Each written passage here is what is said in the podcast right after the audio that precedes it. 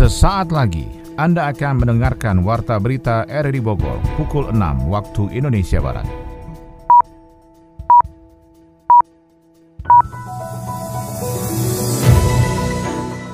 Selamat pagi, salam jumpa. Kami hadir kembali dalam Warta Berita edisi hari ini, Selasa 7 November 2023. Siaran kami bisa Anda dengarkan melalui audio streaming RRI Digital pada perangkat Android Anda dan bisa Anda dengarkan juga di audio on demand di Spotify, Anchor, Portal, dan Google Podcast. Berita utama pagi ini adalah BPBD Kabupaten Bogor mencatat selama satu pekan 308 kepala keluarga dengan total 1.170 warga terdampak bencana angin kencang dan puting beliung.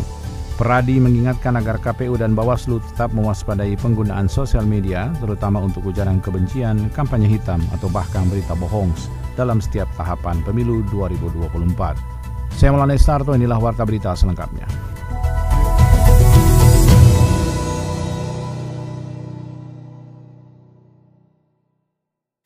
Presiden Jokowi meminta Kementerian Agama mengejar penambahan kuota haji sebanyak 20 ribu yang sudah dijanjikan pemerintah Arab Saudi kepada Indonesia. Penambahan kuota haji itu sudah disampaikan Pangeran Arab Saudi kepada pemerintah Indonesia, namun kuota belum masuk dalam sistem e-hajj. Hal ini disampaikan Menteri Agama Yakut Khalil Kumas di Komplek Istana Kepresidenan Jakarta Senin siang. Sementara itu, Kementerian Agama juga berencana melakukan cek kesehatan calon jemaah haji sebanyak dua kali sebagai salah satu syarat layak atau tidaknya seorang calon jemaah berangkat haji ke Arab Saudi. Mekanisme itu mulai diterapkan pada pemberangkatan tahun depan atau tahun 2024. Rencana istidhah kesehatan atau kemampuan fisik calon jemaah sebagai syarat wajib pelaksanaan haji menyusul banyaknya jemaah yang mengalami gangguan kesehatan di Arab Saudi. Tercatat pada 1444 Hijriah atau 2023 Masehi, jumlah jemaah yang wafat 774 orang dan masih bertambah setelah musim haji. Angka ini menjadi paling tinggi dalam 10 tahun terakhir pelaksanaan haji dari Indonesia. BPBD Kabupaten Bogor mencatat selama satu pekan ini ada 308 kepala keluarga dengan total 1.170 warga terdampak bencana angin kencang dan puting beliung. Berikut laporan Yofri Haryadi. Pohon tumbang dan angin kencang menjadi atensi Badan Penanggulangan Bencana Daerah BPBD Kabupaten Bogor menghadapi cuaca ekstrim awal November ini. Tercatat lebih dari 150 kejadian bencana yang dilaporkan pada pekan terakhir ini adalah angin kencang, puting beliung yang berakibat pada pohon tumbang yang rusak, instalasi listrik, dan rumah warga. Kepala Seksi Kesiapsiagaan BPBD Kabupaten Bogor, Ponco Sugiono, mengatakan salah satu penyebab tingginya potensi dan resiko bencana adalah perubahan lahan terutama terutama di wilayah barat dan selatan Kabupaten Bogor yang konturnya bertebing. BPBD setempat mencatat selama satu pekan ini ada 308 kepala keluarga dengan total 1.170 warga terdampak bencana angin kencang dan puting beliung. Kalau dalam seminggu ini memang yang dominan, dominannya itu angin puting beliung, angin, angin kencang ya sebenarnya. Kalau misal kita hitung itu ya, kemarin aja yang kemarin puncaknya kemarin waktu kemarin hari Selasa itu ya. Yang total dari minggu sampai dengan sekarang itu bisa di sekitaran sampai 150-an lebih di titik lokasi bencana itu. Itu dicampur ya menghadapi musim penghujan ya. Beberapa hari ke belakang memang kita dan kemudian mengakibatkan banyaknya genangan air di beberapa titik. Disertai juga dengan angin kencang ya. Bencana yang muncul ya yang lebih dominan adalah bukan banjirnya tapi banyaknya pohon tumbang. Menghadapi darurat bencana, selain persiapan personil dan sumber daya manusia dalam mitigasi bencana, kelengkapan sarana dan prasarana kebencanaan juga harus terpenuhi. Sekretaris Daerah Kabupaten Bogor, Burhanuddin, mengatakan Kabupaten Bogor belum memiliki kendaraan komunikasi bergerak dan rumah sakit bergerak untuk menghadapi situasi darurat bencana alam di wilayahnya. Ada beberapa memang e, perlengkapan yang dibutuhkan belum kita miliki. Contohnya misalkan mobil kendaraan untuk rumah sakit lapangan. Coba kita kaji beberapa e, perlengkapan seperti mobil untuk alat komunikasi lapangan nih yang yang sedang bergerak tuh. Kelihatannya di beberapa kecamatan istilah saya itu yang blank spot Wah, itu juga bisa sewaktu-waktu misalkan daerah Malasari, daerah Sukamakmur di sana itu kan jaringannya kurang bagus. E, saya juga pengen punya seperti Yondis Hub Pemerintah daerah telah menerbitkan surat edaran ke setiap desa dan kecamatan termasuk masyarakat untuk waspada menghadapi curah hujan yang tinggi bersamaan dengan angin kencang, terutama warga yang tinggal di daerah perbukitan, bantaran termasuk ancaman pohon tumbang yang dekat dengan pemukiman warga.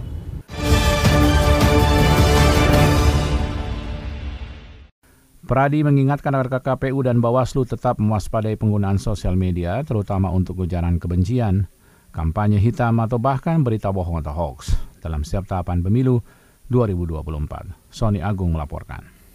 Tahapan pemilu 2024 tetap harus berjalan sesuai aturan koridor hukum yang berlaku sehingga aparat penegak hukum dari Pradi mengingatkan agar masyarakat tertib aturan dan asas saat menjalani tahapan. Ketua Pradi Kota Bogor Gunara SH menyebutkan bangsa dan negara Indonesia masih rentan adanya pembelahan seperti saat dua kali pemilu tahun 2014 dan 2019.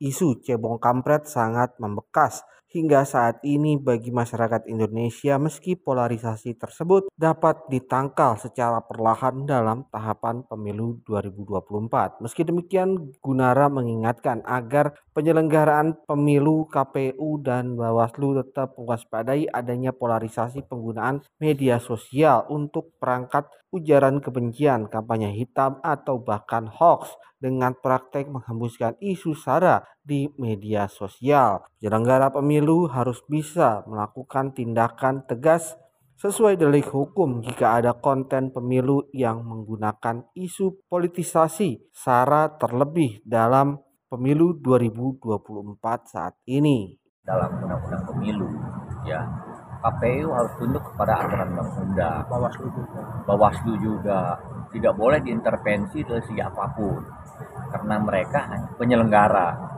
di situ. Nah, bahwa adanya berita-berita hoax ya dan berita-berita yang sifatnya negatif, mereka juga cepat merespon bahwa hal yang baik dan yang tidak baik juga ada mereka sebagai sebagai penyeimbang ya yang menetralisir agar masyarakat tidak terprovokasi. Nah, permainan-permainan uh, politik hitam ini yang harus dijaga karena akan merusak demokrasi di sana. Demokrasi ini harus transparan dan masyarakat akan merasakan bahwa pemilihan umum ini memang bukan bukan yang sifatnya tetapi membuat orang betul-betul adalah pesta demokrasi itu. Menyikapi hal tersebut, Komisioner Bawaslu Republik Indonesia Loli Suhenti menjelaskan, untuk menangkal isu hoax pihaknya juga menggandeng masyarakat agar bisa berpartisipasi melaporkan jika ada buzzer politik yang masih melakukan praktek tersebut. Pendekatan konten sosial saat ini lebih diarahkan kepada media kreator atau konten kreator, menciptakan cara unik untuk mensosialisasikan kontestan pemilu legislatif dan presiden lebih efektif dan inovatif tanpa adanya isu sara atau ujaran kebencian, terlebih kampanye hitam yang bisa menjadrai demokratisasi saat pemilu. Pengawasan dari Bawaslu akan berlangsung dari pusat hingga daerah, melekat berkoordinasi dan komunikasi dengan sentra penegakan hukum terpadu Gakumdu jika terjadi indikasi praktek melawan hukum tersebut di media sosial. Bisa cegah ya, dia pasti akan ada. Maka yang Bawaslu lakukan adalah menciptakan sebanyak mungkin konten kreator. Konten kreator itu siapa? Seluruh masyarakat yang bisa menjadi pengawas partisipatif, bahkan teman-teman muda yang punya kecanggihan teknologi itulah konten kreator. Hanya dengan kemampuan konten kreator maka kita bisa melawan buzzer ya. Karena ini kan sifatnya uh, teknikal sekali, mesin dia langsung bus banyak yang dilakukan oleh Bawaslu. Yang kedua, Bawaslu menyadari betul kami punya keterbatasan soal ini, makanya gandeng multi pihak. BSSN kami gandeng karena mereka punya kemampuan yang lebih canggih untuk melakukan deteksi. Lalu teman-teman dari Kominfo juga kami gandeng, termasuk platform media sosialnya. Platform media sosial ini kami tempatkan bukan sebagai e, mitra bisnis, tetapi justru mereka sebagai orang yang bertanggung jawab juga terhadap keberlangsungan pemilu 2024. Nah, Alhamdulillah dengan kolaborasi yang Bawaslu juga melakukan edukasi kepada generasi muda agar bisa mencerna semua konten sosial media agar tidak terjebak dalam isu yang tidak benar atau negatif sehingga pemilu 2024 lebih bermartabat, terpercaya, menghasilkan negarawan yang terbaik untuk Indonesia. Ketika anakku diejek, mereka bilang itu hanya candaan. Ketika anakku menangis, mereka bilang bermental lemah. Sampai akhirnya kata-kata dan perbuatan mereka merenggut kewarasan dan jiwa anakku. Mereka meminta penyelesaian dengan jalan damai secara kekeluargaan. Gusti. Budaya perundungan sering kali dianggap suatu kelaziman. Ketika anak-anak berbuat kesalahan, orang dewasa melakukan pembenaran yang menjadikan perundungan seperti lingkaran tidak berkesudahan. Orang tua punya peran berhenti memaklumi keburukan perilaku anak, karena perundungan seharusnya tidak terjadi kepada siapa pun dan dalam kondisi apa pun juga. Iklan layanan masyarakat ini disampaikan Radio Republik Indonesia.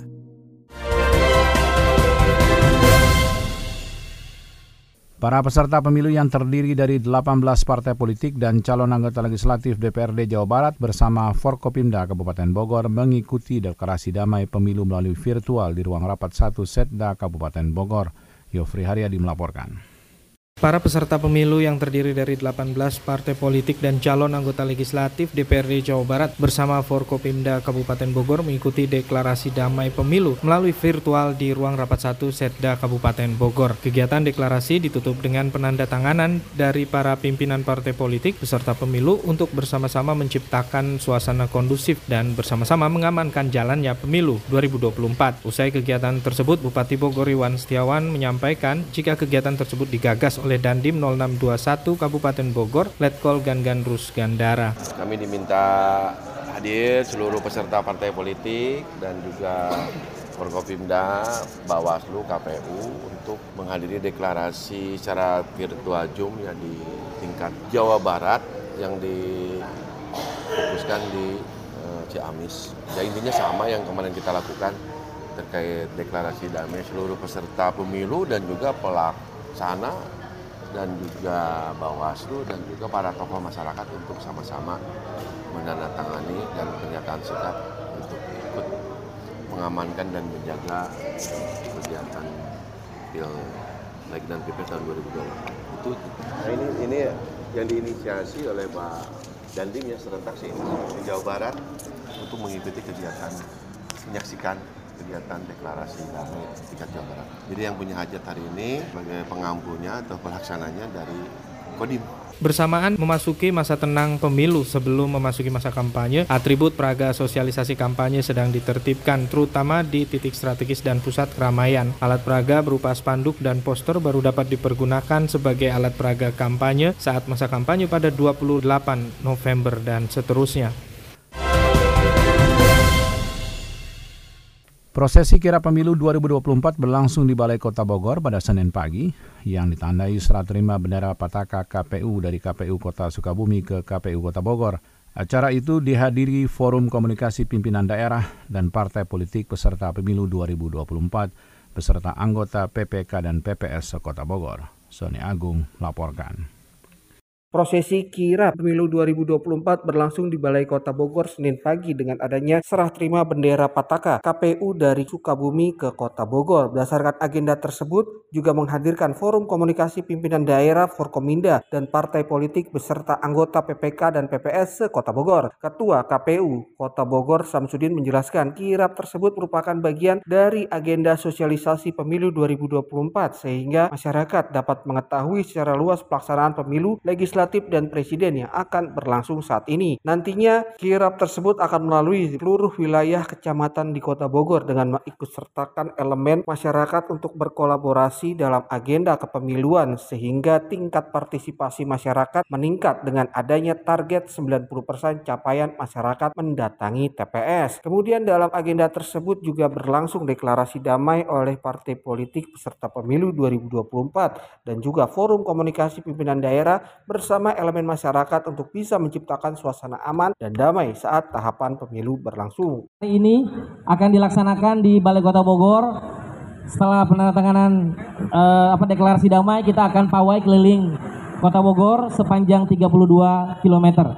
Selanjutnya besok mulai besok hari Selasa sampai hari Minggu ya dari tanggal 7 sampai tanggal 12 kita akan melaksanakan kirap di enam kecamatan sekota Bogor kita akan melaksanakan sosialisasi dan pendidikan pemilih kepada pemilih perempuan, kepada pemilih disabilitas, kepada pemilih pemula, kepada anak-anak muda, kita juga bekerja sama dengan KNP Kota Bogor di enam kecamatan melaksanakan semua tahapan kegiatan sosialisasi pemilu 2024. Untuk selanjutnya, kami akan uh, ki, apa, kirimkan kirap Kota Bogor ke Kabupaten Bogor pada tanggal 13 November 2023. Bapak Ibu sekalian, di 99 hari menuju hari dan tanggal pemungutan suara atau 22 hari sebelum partai politik dan para caleg resmi akan melaksanakan kampanye momentum hari ini menjadi sangat penting untuk Sedangkan Wakil Wali Kota Bogor Dedi Rahim menjelaskan saat ini dukungan dari pemerintah daerah sudah ada dengan alokasi anggaran dana cadangan pemilu sebesar 71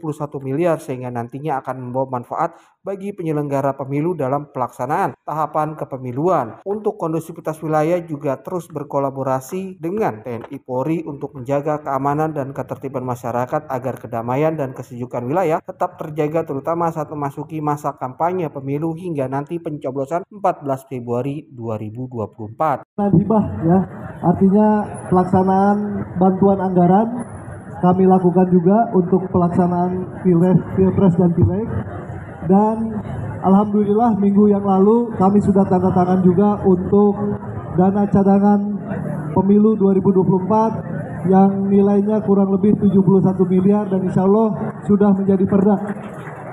Jadi itu komitmen dari pemerintah Kota Bogor bersama-sama dengan DPRD dan unsur Forkopimda untuk pelaksanaan pemilu di 2024. Terakhir saya ingin sampaikan ucapan terima kasih kepada seluruh jajaran KPU Pusat KPU Jawa Barat dan KPU Kota Bogor dan Sukabumi beserta seluruh pelaksana penyelenggara pemilu, para pimpinan-pimpinan partai di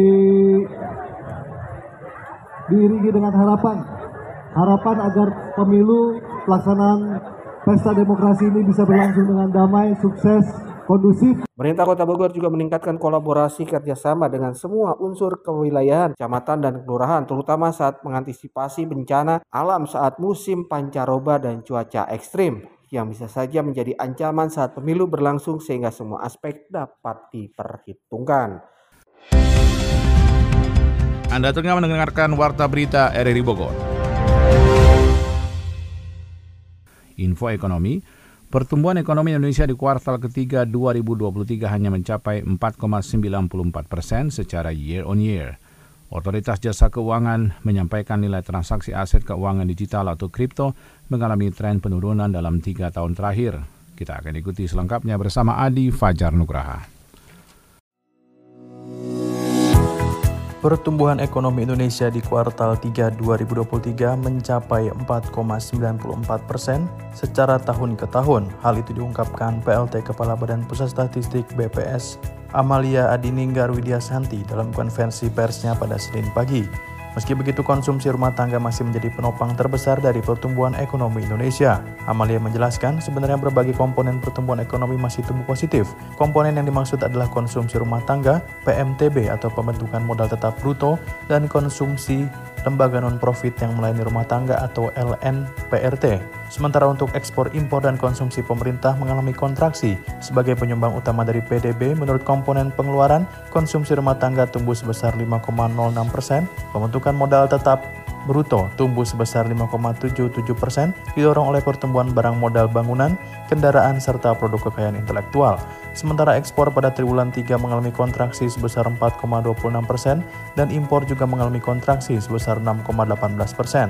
Konsumsi pemerintah juga mengalami kontraksi sebesar 3,76 persen di triwulan 3 2023 didorong oleh penurunan belanja pegawai, belanja barang, dan belanja bantuan sosial. Sementara untuk konsumsi, lembaga non-profit yang melayani rumah tangga atau LNPRT tumbuh sebesar 6,21 persen, didorong oleh peningkatan aktivitas dalam rangka pemilu seperti Rakernas, Rakerda, dan Rapimnas, serta konsolidasi nasional. Konsumsi rumah tangga terus tumbuh seiring dengan terkendalinya inflasi. Pertumbuhan konsumsi rumah tangga tertinggi terjadi pada transportasi dan komunikasi, tercermin dari peningkatan penjualan sepeda motor dan penumpang angkutan rel, laut dan udara, serta restoran dan hotel, tercermin dari peningkatan tingkat hunian kamar hotel. Berdasarkan hal itu, pada kuartal 3 2023, konsumsi rumah tangga menjadi sumber pertumbuhan ekonomi Indonesia yang paling besar, yaitu 2,63 persen.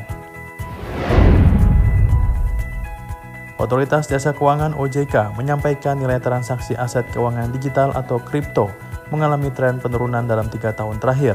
Hal ini disampaikan oleh Kepala Eksekutif Pengawas Inovasi Teknologi Sektor Keuangan, Aset Keuangan Digital dan Aset Kripto OJK, Hasan Fauzi. Berdasarkan data Bapepti, per September 2023 nilai transaksi kripto tercatat sebesar 94,4 triliun rupiah. Angka ini turun dibandingkan dengan tahun 2022 dengan nilai transaksi aset sebesar 306,4 triliun rupiah. Memang sebenarnya perdagangan aset kripto di Indonesia mengalami penurunan dalam tiga tahun terakhir ini. Pada 2021 saja, nilai transaksinya cukup tinggi hingga tembus 859,4 triliun rupiah. Meski begitu, jumlah pelanggan terdaftar untuk aset kripto atau investor masih terus dalam tren peningkatan. Per September 2023, jumlah investor kripto yang terdaftar sebanyak 17,9 juta. Jumlah ini meningkat dibandingkan tahun sebelumnya dengan jumlah investor 16,7 juta. Data yang sama jumlah aset kripto yang diperdagangkan naik menjadi 501 dari 383 di tahun sebelumnya. Sebelumnya Kepala Badan Pengawas Perdagangan Berjangka Komoditi atau Bapepti Kementerian Perdagangan, Didit Nordiat Moko, mengatakan Bapepti berkomitmen untuk memperkuat pengembangan perdagangan aset kripto di Indonesia melalui kolaborasi pemangku kepentingan, asosiasi, dan instansi terkait. Penguatan literasi kepada masyarakat juga dilakukan dengan menggandeng media massa agar masyarakat memperoleh informasi yang benar tentang aset kripto.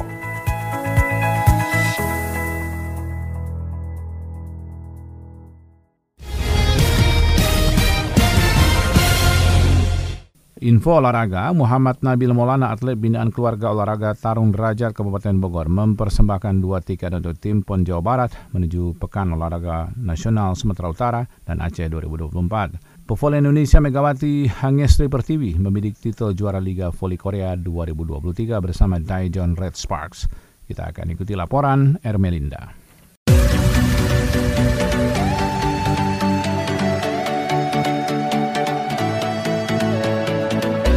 Satu atlet binaan keluarga olahraga Tarung Derajat Kodrat Kabupaten Bogor atas nama Muhammad Nabil Maulana turut andil mempersembahkan dua tiket menuju Pekan Olahraga Provinsi PON Sumatera Utara dan Aceh 2024 usai meraih dua medali emas dari kategori seni gerak garang di ajang BK PON yang berlangsung di Bandung. Pada ajang BK PON 2023 Muhammad Nabil Maulana tampil di dua kategori dan kedua nomor tersebut sukses dengan raihan medali emas satu medali emas dari kategori seni gerak garang bersama dua atlet atlet asal Kabupaten Bandung atas nama Rifki dan Andika. Sementara untuk satu medali emas lainnya, Nabil Sapan Akrab atlet Kodrat Kabupaten Bogor itu tampil bersama atlet asal Kabupaten Bandung yakni Tri Aji di nomor seni gerak getar. Atas raihan dua medali emas itu, Nabil dipastikan tampil memperkuat skuad Kodrat Jawa Barat dari nomor seni gerak garang dan seni gerak getar. Ketua Umum Kodrat Kabupaten Bogor Iwan Setiawan yang diwakili Sekum Kodrat Entang Wihana mengaku bangga atas kerja keras Nabil bersama tim seni gerak Jawa Barat di ajang BK PON 2023. Apalagi menurut Itang, Sapan Akrab Sekum Kodrat Kabupaten Bogor itu dari dua nomor yang diikutinya, kedua-duanya itu sukses dengan raihan medali emas. Artinya kerja keras Nabil bersama tim Jabar berjalan lancar dan sukses.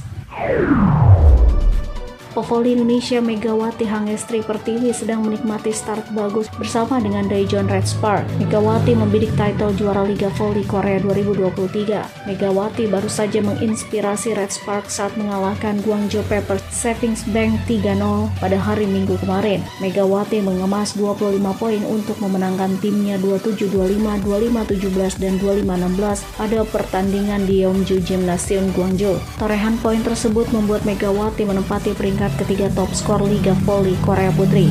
Megawati mengumpulkan 138 poin dalam 6 pertandingan. Megawati Hangestri Pertiwi akan kembali berlaga bersama dengan Daejeon Red Sparks di putaran kedua pekan ini. Red Sparks dijadwalkan berjumpa Suwon Hyundai Hill State pada hari Kamis 9 November 2023.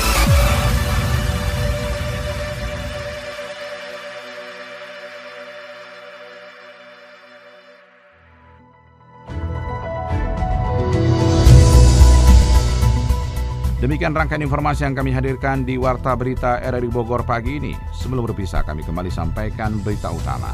BPBD Kabupaten Bogor mencatat selama satu pekan 308 kepala keluarga dengan total 1.170 warga terdampak bencana angin kencang dan puting beliung.